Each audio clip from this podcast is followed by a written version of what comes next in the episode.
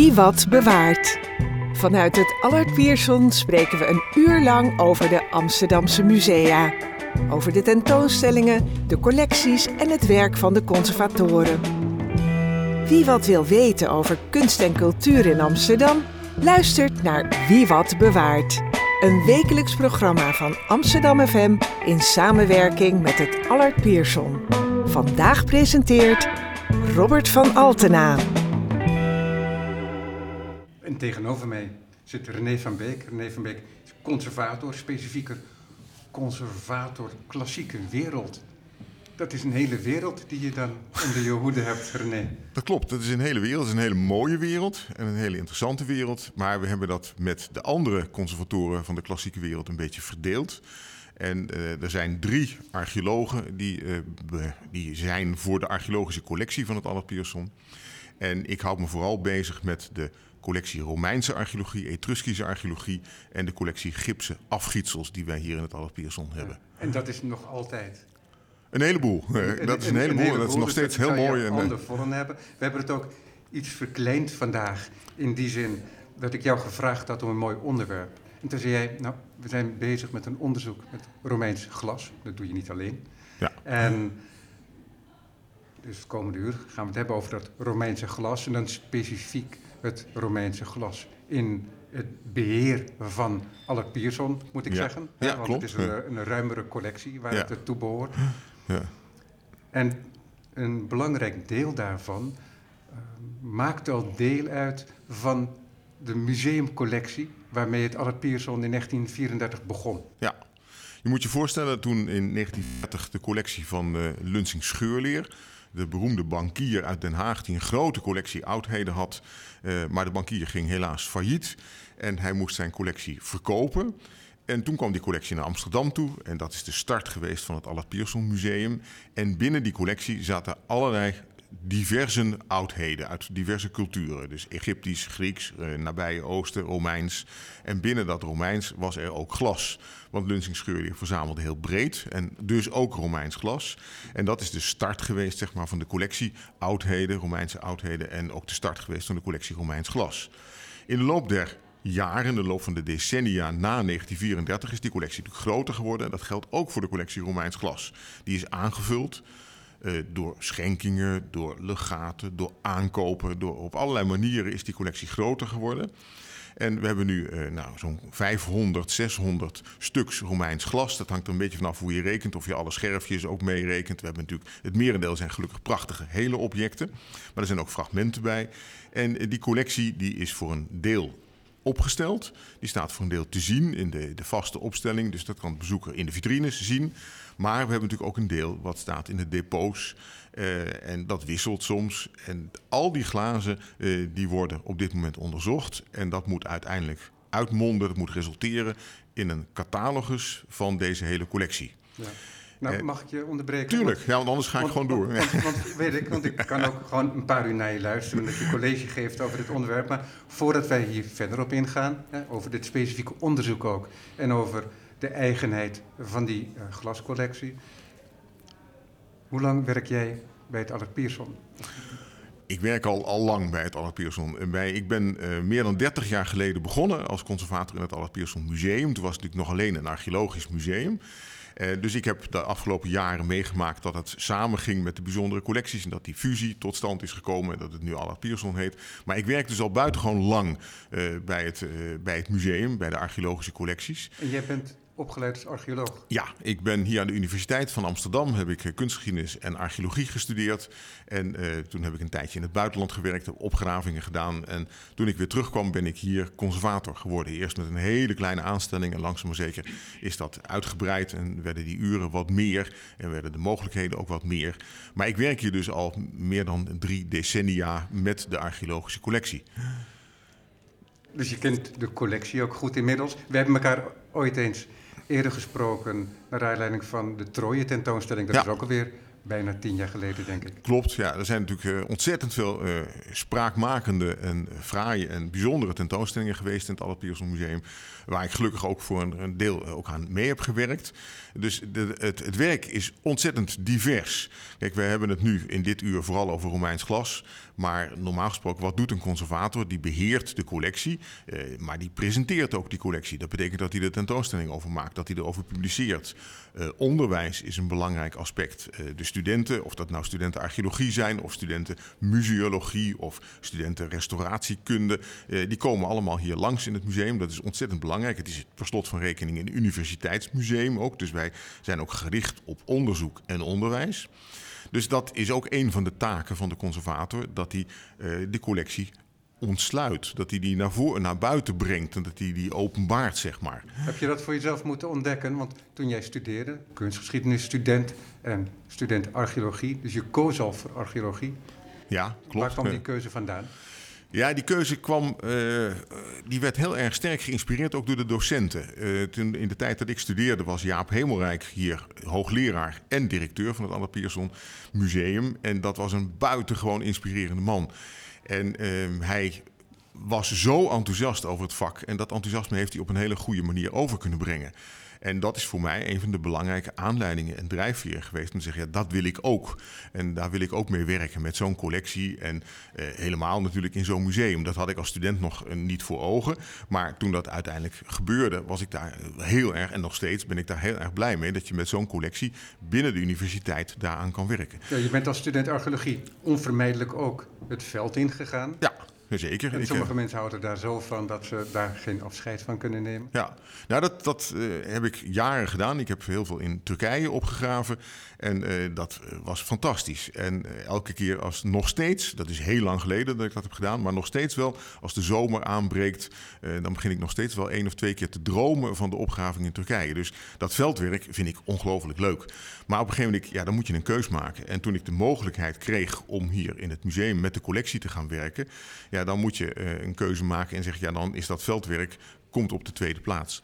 Dus eh, nadat dat veldwerk eh, een aantal jaren was uitgevoerd, heb ik duidelijk gekozen om verder in het museumwereld verder te gaan. En de onderwerpen waar je dan hiermee bezig bent, zoek je dan ook wel eens direct het contact met die mensen die het veldwerk nog doen? Met maken van tentoonstellingen bijvoorbeeld wel. Ja. Uh, bijvoorbeeld die, die Trooien tentoonstelling waar je toen over had. Er is natuurlijk een relatie met het veldwerk wat in Trooien gebeurt door de Universiteit van Amsterdam ook. En dat was uh, duidelijk gekoppeld ook aan die tentoonstelling. Uh, maar ook een tentoonstelling over de Etrusken. Uh, met medewerkers die ook in Etrurië opgravingen doen. Dus nee, dat, die relatie met het veldwerk en de relatie met waar deze objecten vandaan komen. En wat voor routes hebben afgelopen. de biografie van het object, zeg maar. Wat de geschiedenis is van het object. Die is altijd ontzettend belangrijk. En ik denk ook, en dat geldt ook voor het Romeins glas. Je moet dat glas niet als een losstaand object zien. dat kan heel mooi zijn, dat is prachtig. Maar de, het verhaal om het object, maar de betekenis ook van het object. Uh, waarom kennen we dat? Wat uh, is het voor object geweest? Wat voor functie heeft het gehad? Wie heeft het gebruikt? enzovoort. Daar kan je ontzettend veel vragen over stellen. Die zijn eigenlijk het belangrijkste. Ja, en dat zijn vragen die in de tijd langzamerhand veranderen. En ja, daarin zie je ook dat zeker. de vraagstelling niet zozeer eigen is aan het object, als wel eigen aan de tijd van de vragensteller ook. Absoluut, ja, dat is, dat is heel interessant. Uh, ik weet zeker dat Lunsing Scheurleer heel anders keek naar zijn objecten dan wij nu naar zijn objecten kijken. Of naar de objecten die hij verzameld heeft. Uh, maar er zijn ook nog steeds mensen die hier in het museum komen en die uh, uit puur esthetische overwegingen naar objecten kijken. Die kunnen uren voor een Romeins glas zitten of voor een Griekse vaas zitten vanwege de vorm, vanwege de afbeelding enzovoort. Maar er zijn ook mensen die naar het museum komen die zeggen: ja, wat heeft dit eh, object allemaal meegemaakt? En wat vertelt dit object over de relaties die er bestonden in de oudheid tussen verschillende volkeren? Wat uh, vertelt het over de handel? Wat vertelt het over de sociale aspecten enzovoort? Dus je hebt allerlei mogelijkheden om naar een object te kijken en om zo'n object te gebruiken in je onderzoek. Ja. En die vragen die Lensing Schuring stelde, die waren meer van esthetische aard, heb ik van jou begrepen. Ja, vaak wel. Hij kocht natuurlijk eh, objecten omdat hij die mooi vond, maar ook omdat hij ze interessant vond. En dan kan je natuurlijk afvragen, wat is dan interessant? Wat vind je interessant? Is dat de, de vorm? Is dat de geschiedenis? Nou, die vragen die speelden bij hem zeker ook een rol. Uh, maar wij zetten de objecten ook op een andere manier tentoon. Uh, wij stellen die objecten nu in relatie tot andere objecten meer tentoon. In relatie tot uh, culturen waar ze uitkomen.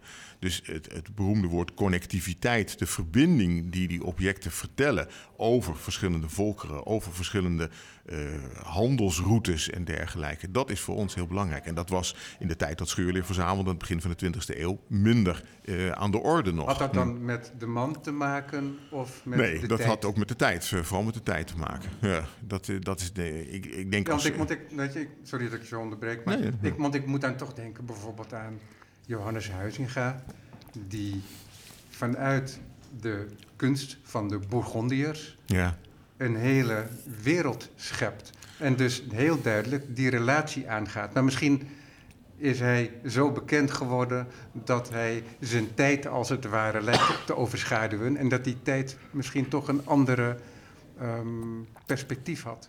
Ja, die tijd had zeker denk ik wel een andere perspectief. En het hangt er ook wel vanaf of je naar Ik heb het dan de over oudheid kijkt. middeleeuwen. Ja, dat Sorry snap ik, maar eh, dat, Nee, dat maar maakt dus wel verschil. Nou, ja, ja, ja, oké. ja. Nee, dat maakt verschil of je naar die middeleeuwen kijkt of dat je naar de oudheid kijkt, denk ik. Maar van Huizinga is natuurlijk ook het begrip de historische sensatie en het gebruik van het object om daarmee die geschiedenis beter te begrijpen en te, te snappen, te voelen. Eh, dat speelt natuurlijk zeker ook voor objecten uit de klassieke oudheid. En wij vinden het ook heel belangrijk, ook in onderwijs. En het liefst zou ik elke bezoeker zeg maar, de gelegenheid geven, de mogelijkheid geven om een object aan te raken, vast te pakken, te, te goed te bekijken. Dat kan natuurlijk niet, het is kwetsbaar en dat, is, dat moet je ook allemaal niet willen, denk ik. Maar die historische sensatie die speelt een hele grote rol om dan uiteindelijk die geschiedenis en die, de functie van het object in een bepaalde periode, in een bepaalde cultuur te kunnen begrijpen. En dat kan nooit één persoon alleen of één tak van een, eh, een onderzoeksrichting. Dat is altijd een Nee. samenwerking. Klopt, ja, dat doe je niet meer alleen. Eh, dat zou heel ouderwets zijn en ook niet verstandig zijn. Maar het gebeurt wel heel snel, toch? Omdat er zo'n vergaande specialisering is. Dat ehm, je al heel snel niet ziet wat er aan de andere kant van het muurtje gebeurt. Ja, maar die specialisering brengt ook met zich mee dat je daardoor ook kennis nodig hebt vanuit andere hoeken. Eh, want die specialisering kan je niet allemaal zelf beheersen en bevatten. En dat zou ook een, een, een nare vorm van navelstaarderij worden. Je moet daarmee daarover kunnen praten en kunnen overleggen. Dat en, lijkt me ook heel erg leuk aan het Tuurlijk, vak. dat is alleen maar in- heel inspirerend. Als een ander, eh, andere discipline eh, zegt van ja, maar kijk nou eens zo naar een object of doe er eens dat mee. En wat levert dat dan voor resultaten op? En vult dat aan wat je al weet of wat je of zegt dat je dat je op andere gedachten. Dus dat is heel belangrijk. Dus nee, wetenschap doe je eh, met z'n allen. Ja, je hebt twee objecten meegenomen. Eén oud en één klassiek. ja, Maar hoe klassiek, dat ehm, moet je maar uitleggen. Want je hebt één glasobject meegenomen. Dat ligt hier tussen ons in. Ja. In, een, eh, in een, een klein mandje, netjes beschermd. Met wat, eh, wat, wat schuim. En daarnaast ligt een boek. En dat heeft als titel Roman Glass. En dat is een boek uit de jaren 50, ik geloof uit 56. 1957. Ja. Ja, en eh, Roman Glass from Dated Finds. En dat is belangrijk, want Ja. dat is precies wat er niet aan de hand was met die eh, collectie van Lensing Schuring. We wisten niet precies hoe het, waar het vandaan kwam en van wanneer het was. ja. En dat is een boek van ene C. Isings. Isings. Isings. Ja. Ja.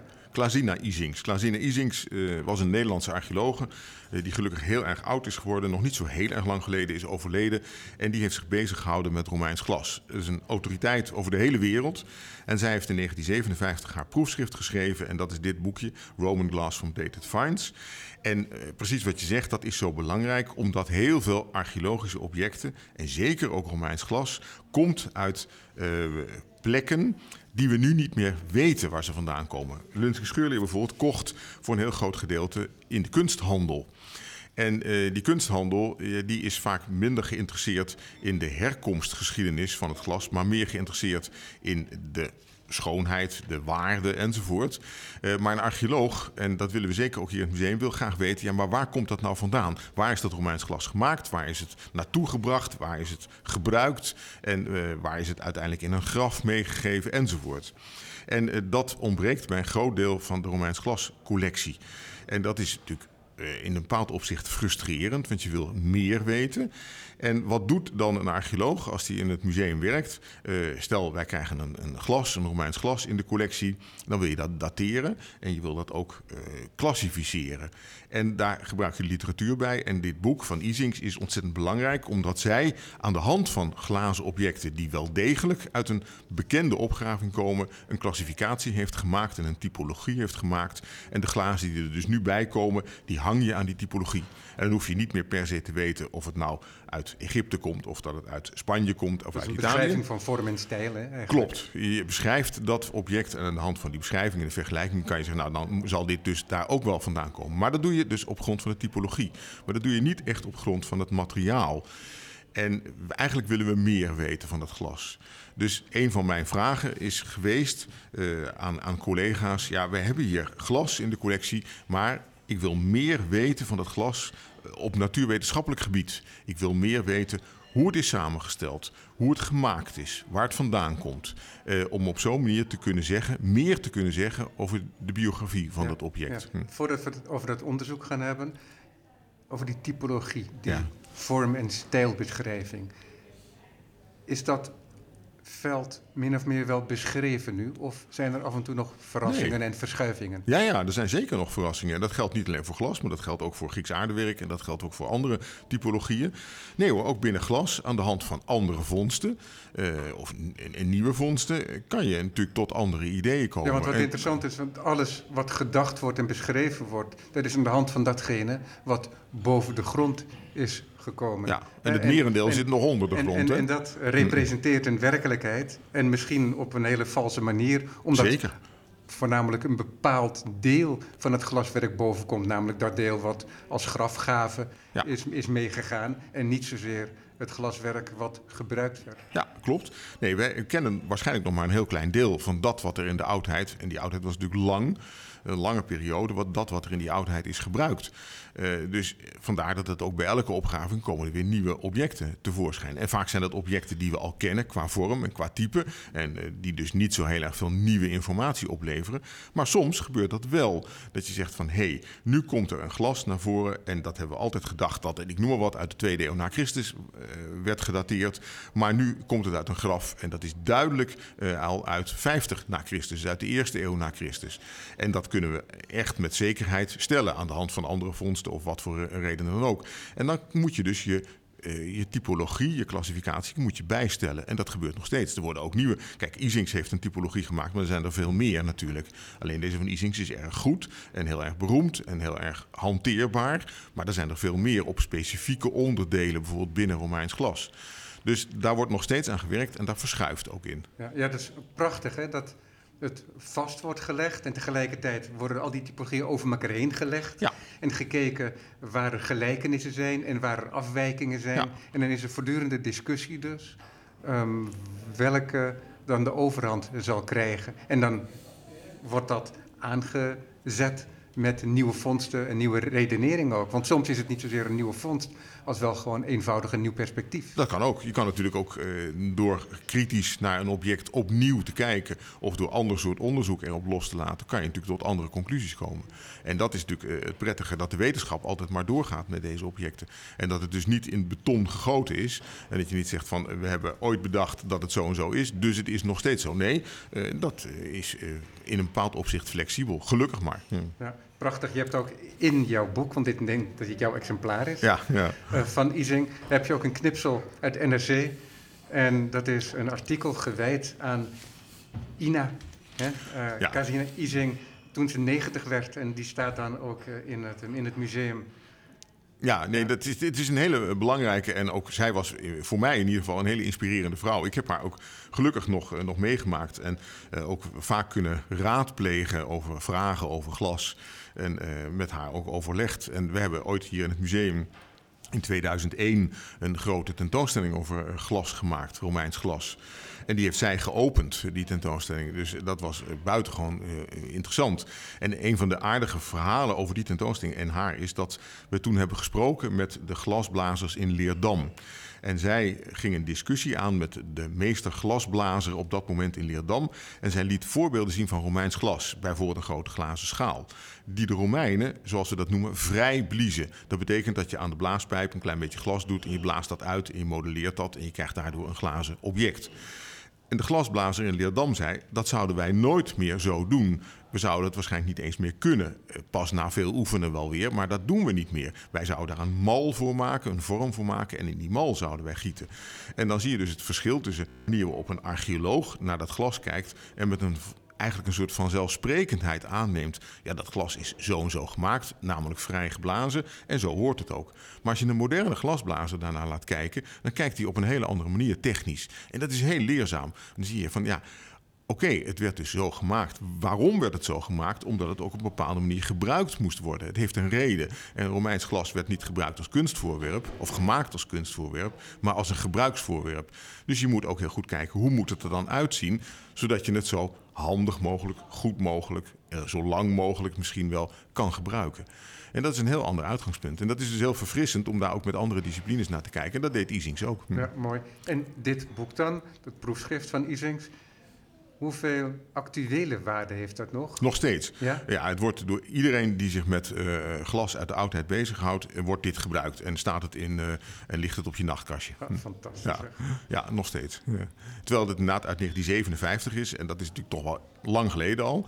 Maar uh, Als je, je ontkomt niet. wat er allemaal gebeurd is in ja, onderzoek. Heel veel. En ook door de nieuwe technologische mogelijkheden waar we dan nu over uh, te spreken komen. Ja. Is dat inderdaad uh, bijzonder? Dat is heel bijzonder. Maar als je een Romeinse fles beschrijft of publiceert, dan is het, begint het altijd met fles, Isings type 22 enzovoort. En dan komt de rest van het verhaal. Dus dat is nog steeds belangrijk. Ja, goed. Het onderzoek.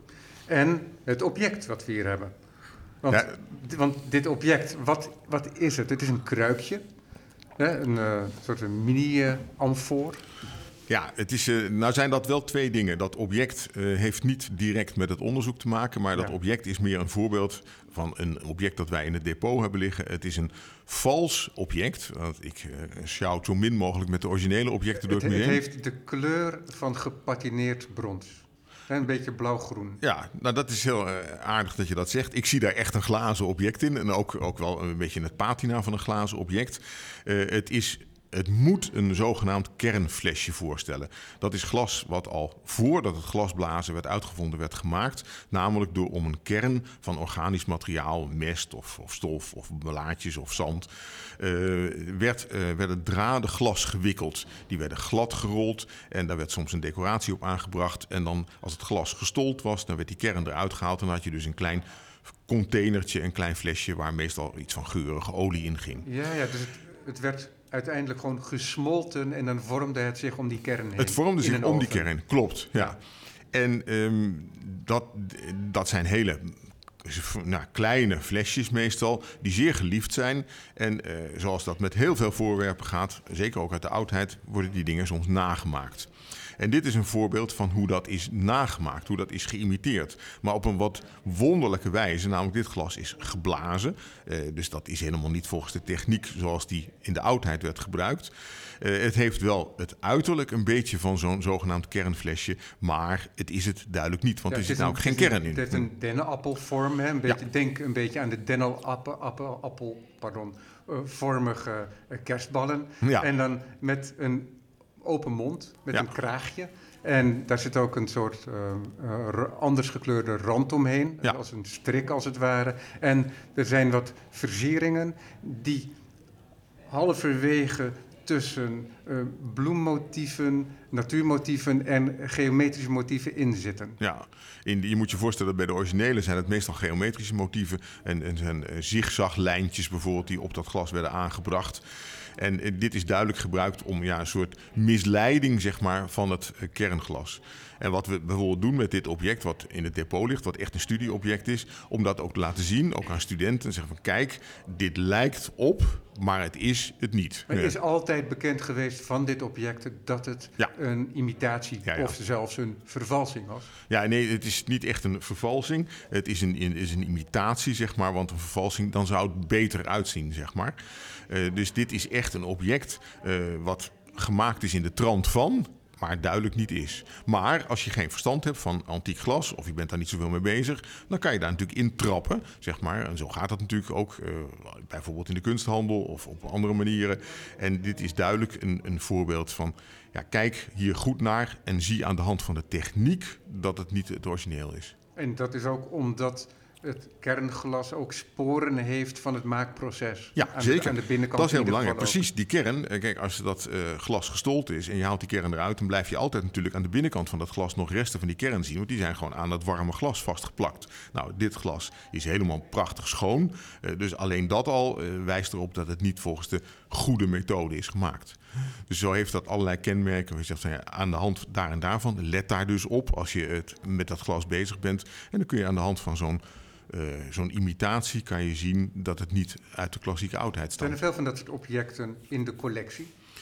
Eh, niet veel, maar we hebben Een wel een hele interessante eh, studiecollectie, zeg maar. En niet alleen op het gebied van glas, maar ook op het gebied van, van, van terracotta, van brons. waarbij je kan studeren en kan zien van, kijk, dit is niet uit de oudheid, maar het lijkt er wel op. Of het is wel de bedoeling geweest dat het erop zou lijken. En eh, hoe zie je nou die verschillen? En dat is dus ja, buitengewoon interessant en ook heel nuttig. Want we hebben natuurlijk als museum ook de taak om eh, ja, te kunnen onderscheiden. Eh, wij krijgen hier ook natuurlijk vragen uit, van allerlei hoeken van mensen die zeggen van ja. Ik heb een object of ik ken een object en is dat oud en wat is het en hoe is het gemaakt? En je moet dus ook het materiaal kennen en weten wat je met het materiaal kan doen om iets te kunnen zeggen van is het origineel of is het vervalsend of eh, wat is het? Ja. Ja, en de mogelijkheden om niet-invasief onderzoek te doen. Ja. Dus om niet het object gedeeltelijk te beschadigen, om het onder een eh, microscoop bijvoorbeeld te leggen. Die zijn toegenomen. Ja. Hè, dus zonder het object eh, pijn te doen, Ja, kan het onder, verder onderzocht worden. Ja.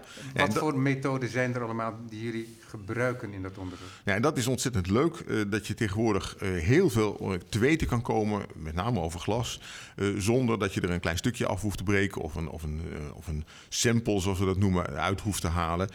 Maar je kan met allerlei technieken, moderne natuurwetenschappelijke technieken, dat glas onderzoeken. En dan kom je op het veld zeg maar, van de, de archeometrie, dus de natuurwetenschappelijke methoden die nodig zijn om archeologische voorwerpen te onderzoeken en daar iets over te kunnen zeggen.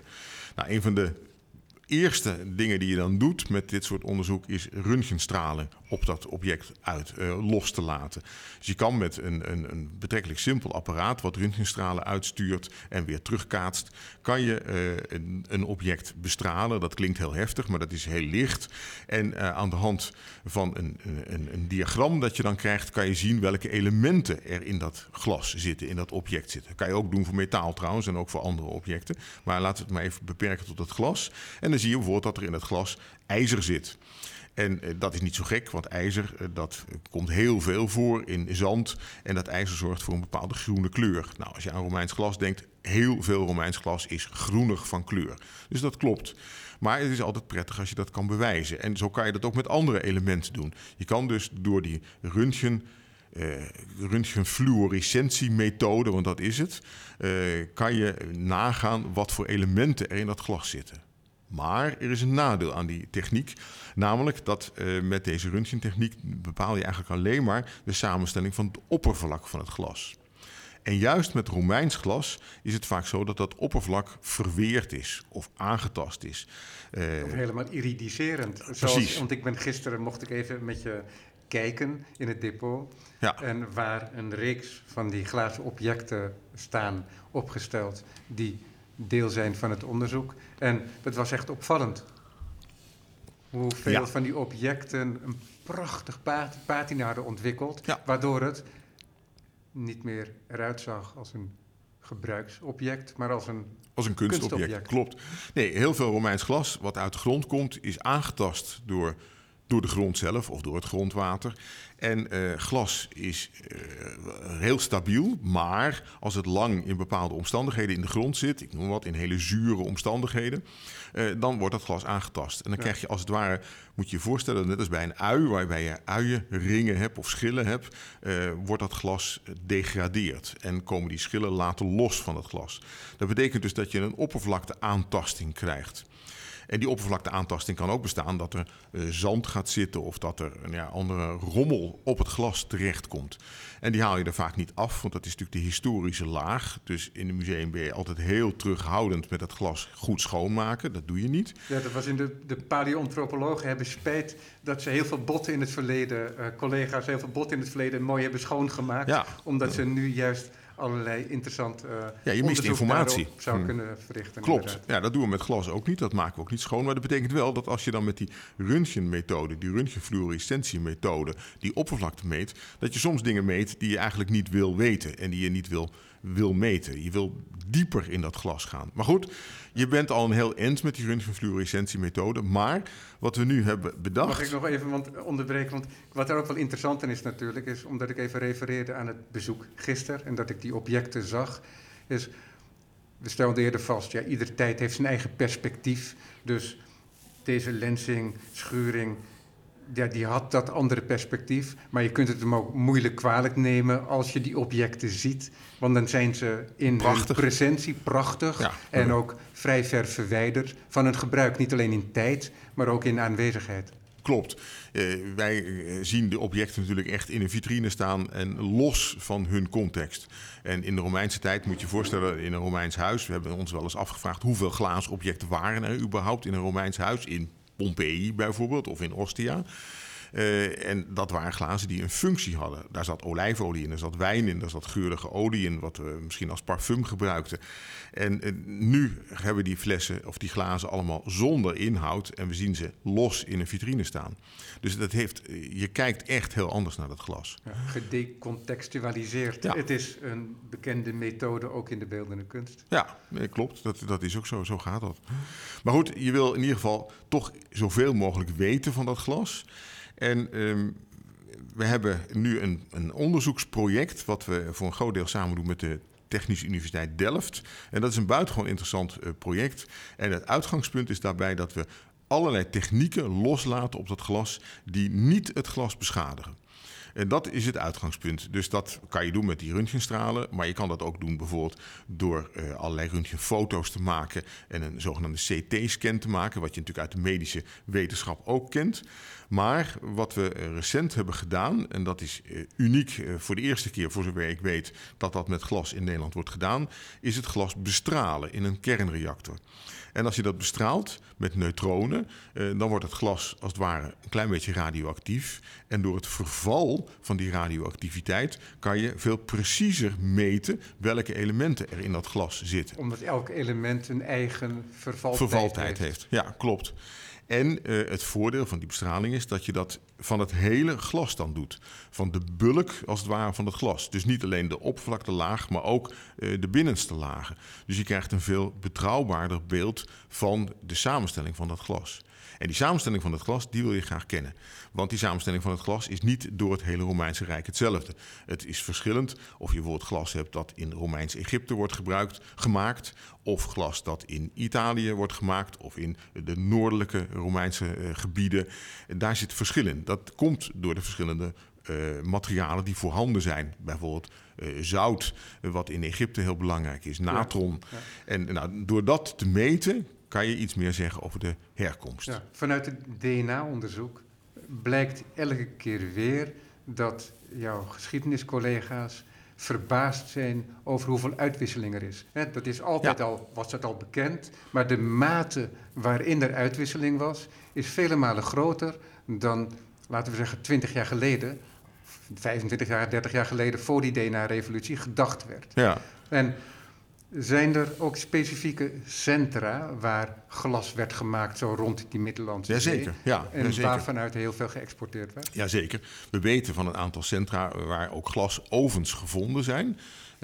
weten we dat op die en die plekken glas werd gemaakt. En dan moet je je niet voorstellen dat daar meteen zo'n mooi flesje uit tevoorschijn kwam, maar daar werden gewoon blokken ruw glas gemaakt. Uh, dus glas bestaat uit zand, kalk en soda, grofweg. En dat, als je dat bij elkaar brengt en je verhit dat, uh, dan krijg je glas. Maar dan is het interessante dat die blokken ruw glas, die werden dan vervoerd. Die werden naar andere gebieden vervoerd in bijvoorbeeld het Romeinse Rijk. Ach, op die manier. En dan werd daar een klein stukje van dat ruwe glas afgenomen. Dan werd het opnieuw verhit en dan kon je daar een flesje uit blazen of van maken. Het zijn de grondstoffen die vervoerd worden. Maar soms ook uh, waren die flesjes dermate belangrijk of mooi of specifiek. Of werden die uh, en masse gemaakt op een bepaalde plek en dan werd het voorwerp vervoerd. Dus dat is altijd een hele ingewikkelde. Als je glas ergens vindt, dan wil dat dus helemaal niet zeggen dat het glas ook daar gemaakt is. En je wil dus het liefst weten hoe waren die handelsroutes, hoe waren die contacten. Eh, want die verspreiding, wat je net zelf ook al zegt, aan de hand van DNA, maar dat kan je dus ook zeggen aan de hand van archeologische voorwerpen. Hoe is die verspreiding geweest in de klassieke oudheid? Waar maakte men glas? Waar werd het glas eh, als voor, gebruiksvoorwerp gemaakt? En waar werd het dan gebruikt? Waar werd het uiteindelijk in een graf bijvoorbeeld meegegeven? En eh, wat is de route van dat glas geweest? En wat zegt dat dan over de contacten die die mensen onderling hadden? Ja, want dat is interessant hè, dat je af en toe een object kunt vinden, of dat nu een glazen object is of een muntje, op een plek waarvan je niet gedacht zou hebben dat het daar ooit gevonden zou kunnen worden. Ja. Ja, we hebben in Nederland eh, prachtige glazen voorwerpen gevonden, terwijl we geen glasovens hebben gevonden. In Nederland werd niet het ruwe glas gemaakt, maar wel bijvoorbeeld in Keulen of in Trier, eh, in het riviergebied waar mooi zand was, waar veel hout was, want je hebt ook veel hout nodig om de ovens, de glasovens te kunnen stoken. En er werd dus glas getransporteerd, bijvoorbeeld van Keulen naar de lage landen, eh, in de Romeinse tijd hier, waar het ook belangrijk was natuurlijk. Maar we hebben ook glas uh, gevonden in het noorden van het Romeinse Rijk, waarvan we bijna zeker weten dat het in Italië gemaakt werd. En dat is dus heel bijzonder glas dan, bijvoorbeeld, wat misschien in gebruik was door een hoge Romeinse officier, ik noem maar wat, uh, die dat glas gebruikte, die dat als een soort statusobject kende en had. Uh, maar dan was het dus niet ter plekke gemaakt, dan was er handel geweest. Nou, en dat geeft iets aan over die handelsroutes. Dat geeft iets aan over de route die dat glas aflegde. Dat is interessant, hè? omdat je daarmee vanuit zo'n glazen object, zo'n kwetsbaar ding, ja. dat, dat soms echt heel kwetsbaar, ja, hele, klein, heel dun. hele kleine kundig gemaakte uh, objecten, dat die zoveel kunnen zeggen over een hele grote wereld, over ja. eigenlijk de door de mens bevolkte wereld. Ja. Ja, nee, dat klopt. Ja, dat is, dat is natuurlijk ontzettend interessant. Uh, en dat willen we ook eigenlijk weten. We gebruiken die objecten om die geschiedenis uh, te kunnen beschrijven. Ja. Dat doen we. Ja, en we zijn niet meer, meer afhankelijk van klassieke teksten waarin vermelding is van bepaalde objecten en dat wij dat proberen te rijmen dan met de dingen die wij nog vinden. Maar dat doen we ook, hè? Dat doen we ook tuurlijk, nog steeds. Ja. Vanzelfsprekend. Maar er is ook dat andere onderzoek dus. Ja, dat klopt. En de combinatie van natuurwetenschappelijk onderzoek en literair onderzoek, inderdaad om in teksten. Want uh, iemand als Plinius bijvoorbeeld, die altijd wordt aangehaald als het over Romeins glas gaat, die schrijft over glas. En dat, die, dat is een ongelooflijk belangrijke bron. Die beschrijft over hoe glas gemaakt werd.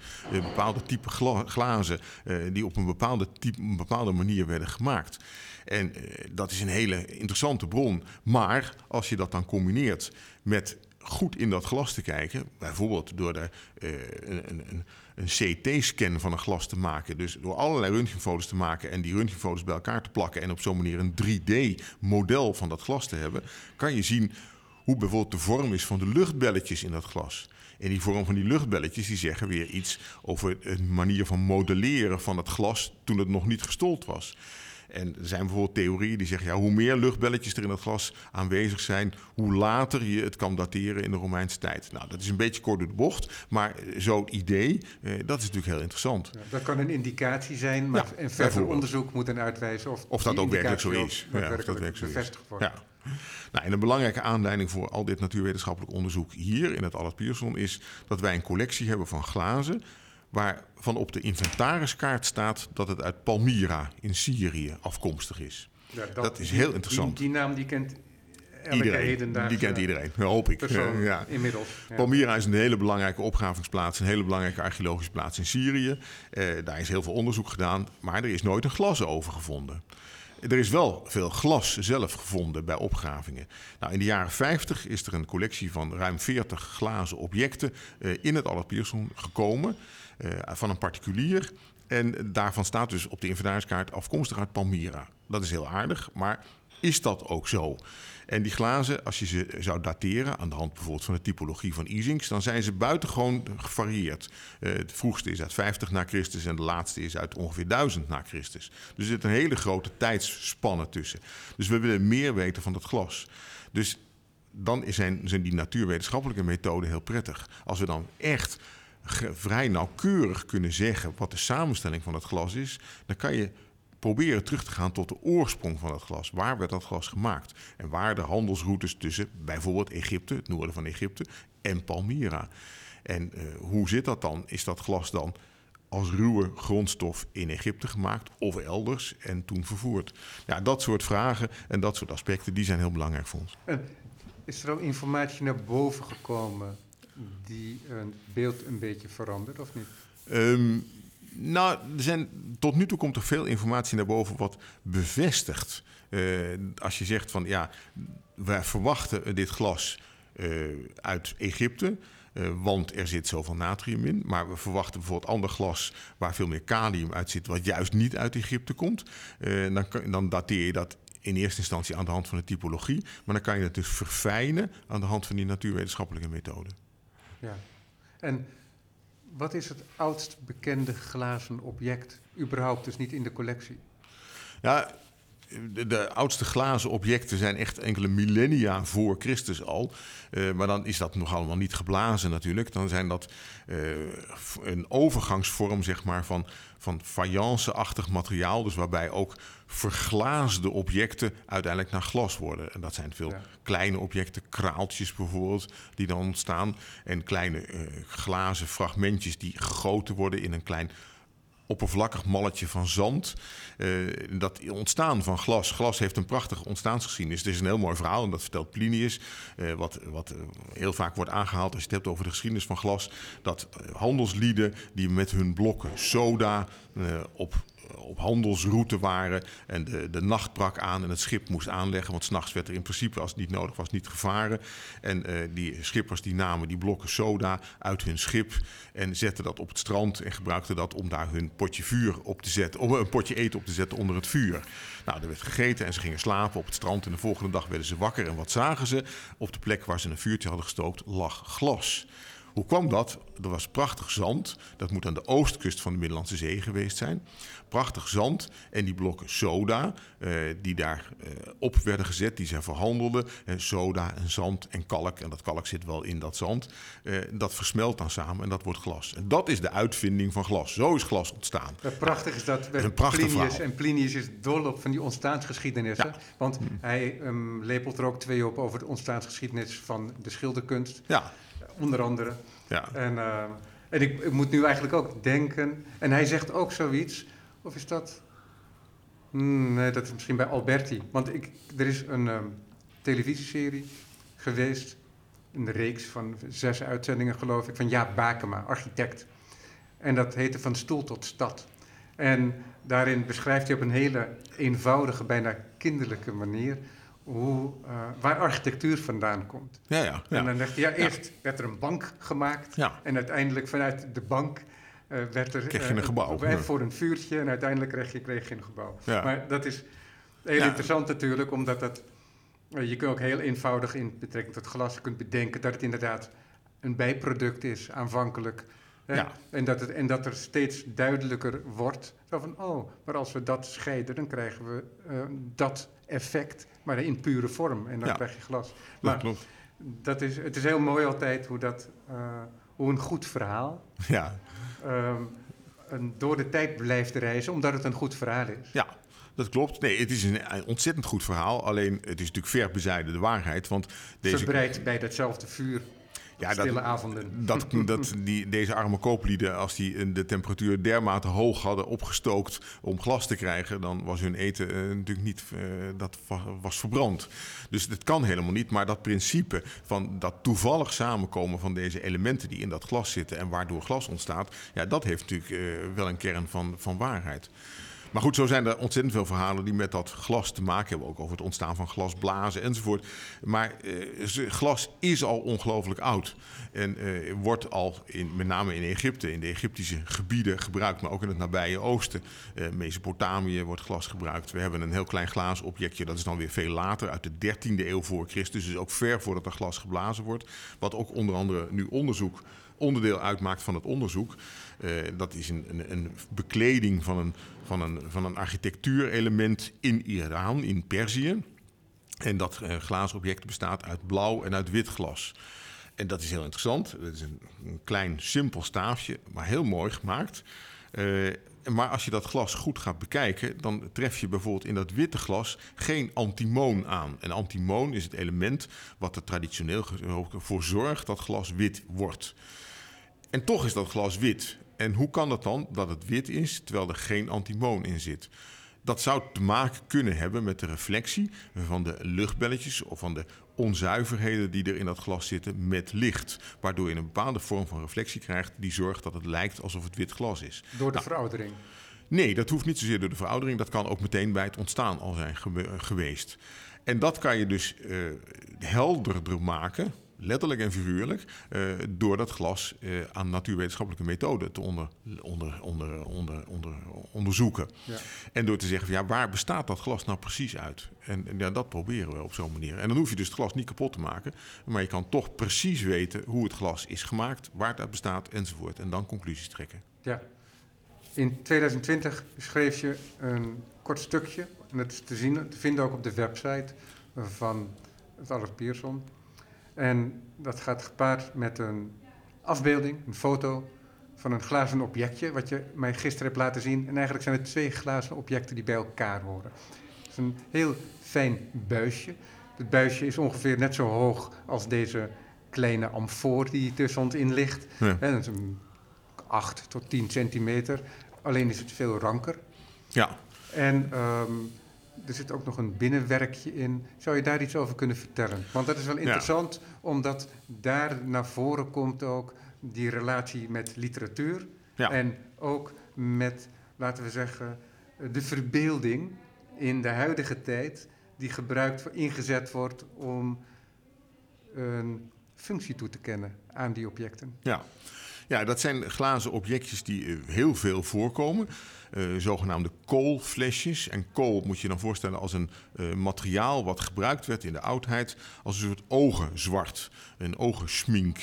En dat werd heel veel gebruikt om ter versiering op je ogen te doen, als een soort ogenschaduw, zeg maar.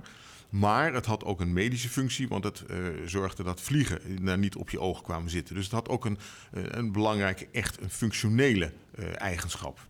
En dat zat in dat soort flesjes. En die flesjes bestaan uit twee compartimenten. Het lijkt een beetje op een grote reageerbuis. En die grote reageerbuis is als het ware in tweeën geknepen. En daar zit een, eh, een schotje, een tussenschotje in, waardoor je twee compartimentjes krijgt. En dat is een heel kenmerkende vorm uh, die je in de Romeinse tijd, met name in de derde en de vierde eeuw na Christus, tegenkomt van dat soort flesjes. En die werden dus gebruikt voor die oogschaduw. Maar ze werden ook wel gebruikt voor geurige olie of voor uh, een soort smink of iets dergelijks, die er met kleine glazen staafjes of bronzen staafjes uitgehaald kon worden. En heel lang is gediscussieerd over hoe is zo'n flesje nou gemaakt. Uh, is dat geblazen en is dat toen met een tang een schotje ingeknepen of is het omgebogen als één grote buis naar enzovoort. Er zijn allerlei mogelijkheden. En dat kan je ook met die non-invasieve methodes, door het goed bijvoorbeeld te röntgenen en daar een, een 3D-model van te maken, kan je daar veel meer inzicht in krijgen. En dan zie je dus ook die luchtbellen, hoe dat glas gebogen is, hoe dat, hoe dat gemodelleerd is. En je kan ook zien wat de relatie is tussen zo'n tussenschotje en het glas, de omhulsel enzovoort.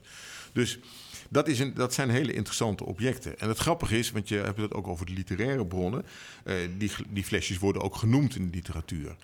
Er is één hele obscure bron en die noemt dit soort flesjes uh, een tranenflesje. En uh, dat is complete onzin. Dat is helemaal niet gebruikt om tranen in, uh, op te vangen of iets dergelijks. Maar er is één bron die dat ooit heeft gezegd. En er zijn misschien misverstanden ontstaan doordat die flesjes ook wel in graven zijn gevonden. En er is een prachtig verhaal. Uh, dat in de, de, de film Quo Vadis Nero roept tegen zijn bediende: geef mij mijn tranenflesje aan. En dan komt de bediende met zo'n dubbel flesje met die twee compartimenten. En Nero plenkt dan uit zijn ene oog één traan in het ene compartiment. En uit zijn andere oog een traan in het andere compartiment. En dat draagt natuurlijk wel aan bij dat het misverstand om dit, omtrent dit soort flesjes blijft bestaan. Maar het is een prachtig verhaal. Maar in de oudheid werd het daar dus niet voor gebruikt. Wanneer werd bekend waar het wel voor gebruikt werd? Was dat al vrij snel, omdat er nog residu werd gevonden? Ja, ja, precies. Er worden residuen ingevonden. En er zijn ook bronnen die wel degelijk beschrijven hoe het wel werd gebruikt. Dus de, de residuen die erin werden gevonden. Uh, maar er zijn bijvoorbeeld ook wel van dit soort flesjes gevonden uh, in Pompeii, waarbij nog resten van van kruiden uh, daarin gevonden zijn. En dan kan je dus ook zeggen, ja, dan heeft het ook te maken met voedselbereiding. Dat zal misschien ooit wel eens een keer gebeurd zijn, maar dat betekent nog niet dat de hoofdtaak van dit soort flesjes daarvoor was. Dus dat is altijd heel riskant. Ja, ik drink ook wel eens thee uit een koffiekopje. Precies, dat is, dat is eigenlijk hetzelfde. En uh, als je wijn drinkt uit een, uit een waterglas en dergelijke, dan wil dat nog niet meteen helemaal zeggen dat ook de functie uh, zo, zo divers is geweest. Ja, ja. Hoe lang duurt dit onderzoek nog? Is daar een, is er een afgebakende tijd? Want het is ook dure tijd, zo'n kernreactor. Ja, dat is zeker dure tijd. Er is gelukkig uh, subsidie voor dit, dit onderzoek. En uh, vandaar dat we dat ook met een aantal partijen kunnen doen. De Technische Universiteit Delft doet er aan mee. De Rijksdienst Cultureel Erfgoed doet er aan mee. Uh, en, en het Allard Pierson natuurlijk als leverancier van de objecten. En dit onderzoek duurt nu nog ongeveer een klein jaar. En dat moet dan uiteindelijk uitmonden in een presentatie, in een artikel, misschien een, een, een, bezoek aan een congres. Maar dan weet je dus in ieder geval meer en dan kan je dat ontsluiten, dan kan je dat bekendmaken en dan heb je weer iets kunnen bijdragen aan zeg maar, de kennis die er bestaat over uh, antiek glas. Ja, dat is allemaal achter de coulissen. Hè. We hebben het er nu weliswaar voor de microfoon over, maar dat is niet iets wat het publiek ziet. Maar dat het belangrijk is om te vermelden bij een museum. Een museum is niet alleen een presentatie-instituut, er vindt ook onderzoek plaats. Ja. En nou is het interessant dat er ook in het Stedelijk Museum onderzoek plaatsvindt. Maar het onderzoek wat in het Stedelijk Museum plaatsvindt zelf is een heel ander onderzoek dan wat de UVA bijvoorbeeld als aan onderzoek doet naar diezelfde objecten uit de collectie van het Stedelijk. En hier valt dat samen. jullie zijn en museum en tegelijkertijd ook een instituut verbonden aan de universiteit. Ja. Ja, dus is er bij jullie ook dan sprake van evengoed die soort twee stromen onderzoek, of is dat niet zo? Nou, het is niet zozeer een twee stromen onderzoek. Eh, de universiteit, en het is een universiteitsinstelling, is natuurlijk gericht op onderzoek en onderwijs. En wij zijn een, een instituut ook voor kennis. Dus die kennis die probeer je steeds te vermeerderen. Maar die kennis wil je ook presenteren aan het publiek. En het is natuurlijk heel mooi als je ook de opgedane kennis kan laten zien in een tentoonstelling, in een publicatie, in een blog of een vlog of noem maar op. Uh, dus in de sociale media. En dat proberen we ook door dat ook wel te laten zien. Wat doen we nou? En wat dat betreft is het niet alleen maar achter de schermen. Het daadwerkelijke onderzoek. Je kan niet met een heel museumpubliek natuurlijk in die kernreactor gaan rondlopen. Maar je kan wel duidelijk maken en wel vertellen waarom je dat doet en wat het voor betekenis heeft. En dat is natuurlijk een van de belangrijke taken ook van een museum. Om dat uh, naar, naar buiten te brengen, deze opgedane kennis. Nou ja, je moet datgene wat je toont ook kennen, zodat ja. je het ook op de juiste manier kunt presenteren. Ja, ja, het mes net aan twee kanten. Je moet eerst weten waarover je praat en dan kan je het pas naar buiten brengen. Ja, ja. en onvermijdelijk bedrijf je daarmee ook een historiografie van de archeologie. Zeker. Uh, over honderd jaar wordt er waarschijnlijk weer heel anders naar dit onderzoek gekeken dan wij dat nu doen. En net zo goed als wij ook anders kijken naar de manier waarop uh, objecten nu worden aangeschaft en scheurleer ze aanschaften. Uh, wat voor reden daar aan ten grondslag lag. Dus ja, dat verandert. En dus de geschiedenis van die hele archeologie en de geschiedenis van de beleving aan archeologische objecten, ja, die verandert ook zeker. Ja. Is dit onderzoek dan ook per definitie een opgang naar een aankomende tentoonstelling of is dat niet per definitie zo? Dat is niet per definitie zo, uh, maar dat we hier in kleine of grotere presentaties onderzoek of uh, aandacht aan zullen besteden, ja, dat, uh, dat, is natuurlijk wel heel, dat zou wel heel erg mooi zijn en dat ligt ook wel een beetje voor de hand. Want je moet dat niet binnen kamers houden, je moet dat naar buiten brengen ook. Ja. Kijk, de indruk kan nu bestaan dat als het onderzoek over een jaar afgerond wordt, dat het onderzoek klaar is. Die collectie is dat het onderzoek Ja. is gedaan. Maar dat is niet zo. Want Nee, jij blijft nee. hier werkzaam Ja. en je blijft aandacht houden voor dat Romeinse glas. Wat gebeurt er daarna? Ja, het leuke van dat onderzoek is dat het natuurlijk altijd weer vragen oproept ook. En eh, zo'n onderzoek rond je nooit af in de zin van, je zegt, nou, nu weten we het, nu is het klaar. Nee, je weet een aantal dingen, maar je hebt ook meteen weer nieuwe vragen. Ja, maar hoe zit dan dat? En hoe zit dan zus? En eh, dat, eh, dat moet dan weer leiden tot een vervolgonderzoek. En of dat meteen komt of later komt, dat weet ik niet. Maar eh, dat is, gaat altijd maar door, dat onderzoek. Gelukkig maar. Dus het is nooit een eh, geheel afgerond onderdeel. Dat zeker niet. Prachtig. René van Beek, hartelijk dank. Graag gedaan. Deze, een aantal van de objecten uit de collectie zijn ook opgenomen in de vaste presentaties. Dus mensen kunnen dat natuurlijk Zeker, gaan zien. zeker. En het is ook wel interessant om af en toe te kijken op de website van het Allard Pierson, omdat er hele mooie, toegankelijke, korte artikelen staan. Verbonden met dat Ja. onderzoek wat gebeurt. Wij bloggen, eh, zoals dat heet, af en toe. En dus we schrijven af en toe stukjes en die komen op die website. En eh, ja, dat, eh, daar proberen we zoveel mogelijk mensen attent te maken ook. Maar ook via andere sociale kanalen eh, wat er is te zien. Maar er is natuurlijk gelukkig ook in de Romeinse afdeling met name... is een heleboel Romeins glas te zien op verschillende plekken. En dat glas wordt tentoongesteld op die plaats waar het ook te maken heeft met de functie. Als het gaat over het thema huishouden of over het thema eh, handel, dan zie je daar glazen objecten staan die met die handel te maken hebben gehad in de Romeinse tijd. Of je ziet eh, bij het huishouden schalen waarin eh, voedsel heeft gelegen of heeft geserveerd werd. Dus dat kan je gelukkig allemaal zien in de, in de vaste opstelling. Prachtig, fijn en fragiel, kunstig object ook. Maar dat ook een schakel is in dat enorme netwerk dat gecreëerd wordt om kennis te hebben van die klassieke wereld. Ja, Dankjewel, René van Beek. Graag Eh, gedaan. Luister naar Wie Wat Bewaart. Techniek werd vandaag verzorgd door Erik Corvin.